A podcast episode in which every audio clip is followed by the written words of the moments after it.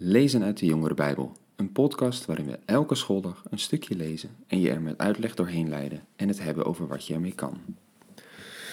Dag lieve luisteraars, goed dat je weer luistert naar een nieuwe aflevering van de podcast. Ik wilde vandaag nog een tekst van Paulus met jullie lezen.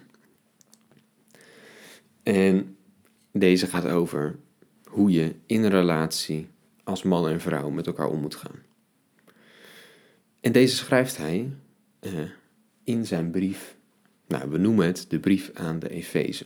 Maar eigenlijk weten we niet per se of die aan alleen de Efeze gemeente geschreven was. Dat staat er niet bij in de tekst.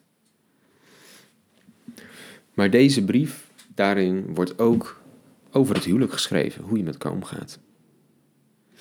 In hoofdstuk 5, vanaf vers 21, laten we dat stukje met elkaar lezen. Daar zegt hij: Aanvaard elkaars gezag uit eerbied voor Christus. Vrouwen, erken het gezag van uw man, zoals dat van de Heer. Want een man is het hoofd van zijn vrouw, zoals Christus het hoofd is van de kerk, het lichaam dat hij gered heeft. En zoals de kerk het gezag van Christus erkent, zo moeten vrouwen in ieder opzicht het gedrag van hun man, het gezag van hun man erkennen. Mannen, heb uw vrouw lief, zoals Christus de kerk heeft liefgehad en zich voor haar heeft prijsgegeven, om haar te heiligen, haar te reinigen met het water en met woorden, en om haar in al haar luister bij zich te nemen, zodat ze zonder vlek of rimpel of iets dergelijks zal zijn, heilig en zuiver. Zo moeten mannen hun vrouw lief hebben, als hun eigen lichaam. Wie zijn vrouw lief heeft, heeft zichzelf lief. Niemand haat ooit zijn eigen lichaam, integendeel.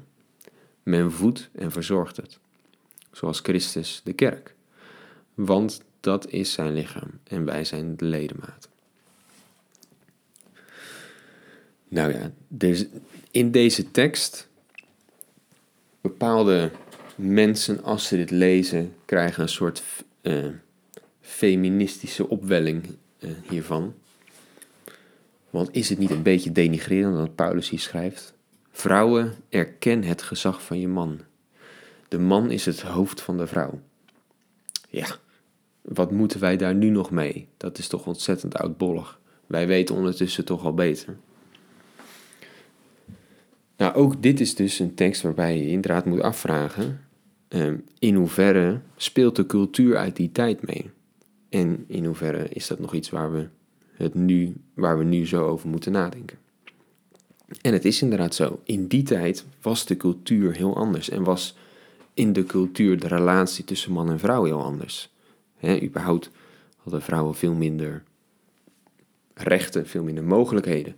De man was in die tijd echt degene die aansprakelijk was voor het gezin, degene die het gezin leidde, degene die voorop ging. Dat was echt helemaal in die cultuur zo vastgelegd.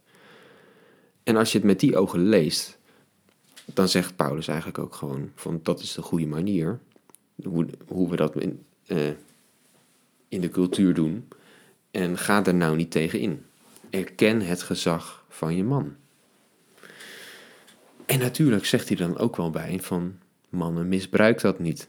het is niet dat we de vrouwen moeten overheersen en als een soort slaafje moeten behandelen. Nee, hij legt eigenlijk de lat voor mannen ontzettend hoog. Want hij gaat een beeld gebruiken. Het is tussen man en vrouw zoals het is tussen Jezus en de gemeente. En zoals Jezus zich heeft opgeofferd en alles heeft gegeven voor de gemeente, zo moet een man ook zijn vrouw liefhebben. Ja, dan eh, past het dus niet om denigrerend naar je vrouw te doen, slaafs naar je vrouw te doen dan, ga je, dan moet je echt op een, als man bijna ook als, op een onderdanige, liefdevolle manier je vrouw dienen en proberen alles in het beste in haar naar boven te krijgen. En op zich op andere plekken schrijft Paulus daar ook over. Dan heeft hij het helemaal niet over dat alleen vrouwen aan hun man, maar dan zegt hij het over iedereen. Dat je de ander, eh, dat je jezelf moet onderschikken aan de ander, de ander hoog moet achten. Ehm, dus ja, heeft dit alleen met cultuur te maken? Misschien dus wel een beetje. Ik denk dat het dus wel echt past in die cultuur. Dat dat toen ook al zo gezien werd. Van de man is het hoofd van het gezin. En hij heeft daarin de verantwoordelijkheid, maar daarin moet de vrouw hem ook respecteren. En Paulus die onderschrijft dat.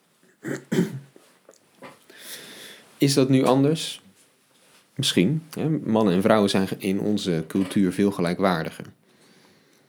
En tegelijkertijd, eh, als ik bijvoorbeeld kijk naar hoe dat bij Nienke en bij mij gaat, eh, is het bij ons toch ook wel een beetje zo dat ik van nature wat meer ehm, de leiding neem, wat meer keuzes maak en dat Nienke dat prima vindt. Die zegt ook vaak van, nou, doe jij dat maar lekker, ga jij maar voorop, ik vertrouw je erin, ik respecteer dat. En bijna alsof dat ook misschien iets is wat gewoon mannen überhaupt iets vaker hebben, dat ze voorop gaan. Dat zou kunnen. Um, dat is natuurlijk generaliserend, want dat is lang niet altijd zo. Je hebt ook relaties waarbij juist de, de vrouw meer de beslissingen neemt. Goed. Maar als dat iets is wat vaak een man-vrouw ding is, nou misschien is, dat is dit dan inderdaad een tekst die ook nog mooi nu kan passen. Maar hè, misschien algemeen, hoe Paulus het hier beschrijft, dat we elkaar respecteren, ehm, dat je je onderschikt aan elkaar en bovenal hoe je je, je partner moet liefhebben zoals Christus de gemeente lief heeft en zich heeft opgeofferd voor haar. Dat is een mooi beeld, een mooi ideaal. Het is wel een hele hoge lat, dat wel. En Paulus gaat dan ook nog verder. Ehm, hij zegt nog in de paar versen daarna. Dan haalt hij ook weer die tekst uit Genesis aan. Daarom zal een man zich losmaken van zijn vader en moeder en zich hechten aan zijn vrouw. En die twee zullen één lichaam zijn. In deze woorden schuilt een groot geheim. Ik betrek het op Christus en de kerk. Maar ook voor elk van u geldt dat ieder zijn vrouw moet liefhebben als zichzelf en dat de vrouw ontzag moet hebben voor haar man. Paulus die heeft het dus eigenlijk over twee dingen tegelijk. Hoe we het in het huwelijk moeten doen, maar hij legt daar dus naast hoe het zit tussen Christus en de kerk. Een mooie vergelijking. En een mooi iets hoe we huwelijk mogen zien, hoe we met elkaar om mogen gaan. Nou ja, misschien, ondanks dat het dus wel iets met cultuur te maken heeft, is deze tekst zo gek nog niet. En is dit wel een mooi beeld waar we in relaties naar mogen streven, hoe we met elkaar mogen omgaan. Ja, dat waren wel een beetje de teksten over huwelijk uit het Nieuwe Testament. Volgende week gaan we weer verder met een ander onderwerp. Nou, ik zeg eigenlijk wel volgende week, maar dat wordt iets later, want over één week zit ik in Jeruzalem, in Israël. Dus maak daar maar twee weken van. Over twee weken gaan we verder. Tot dan.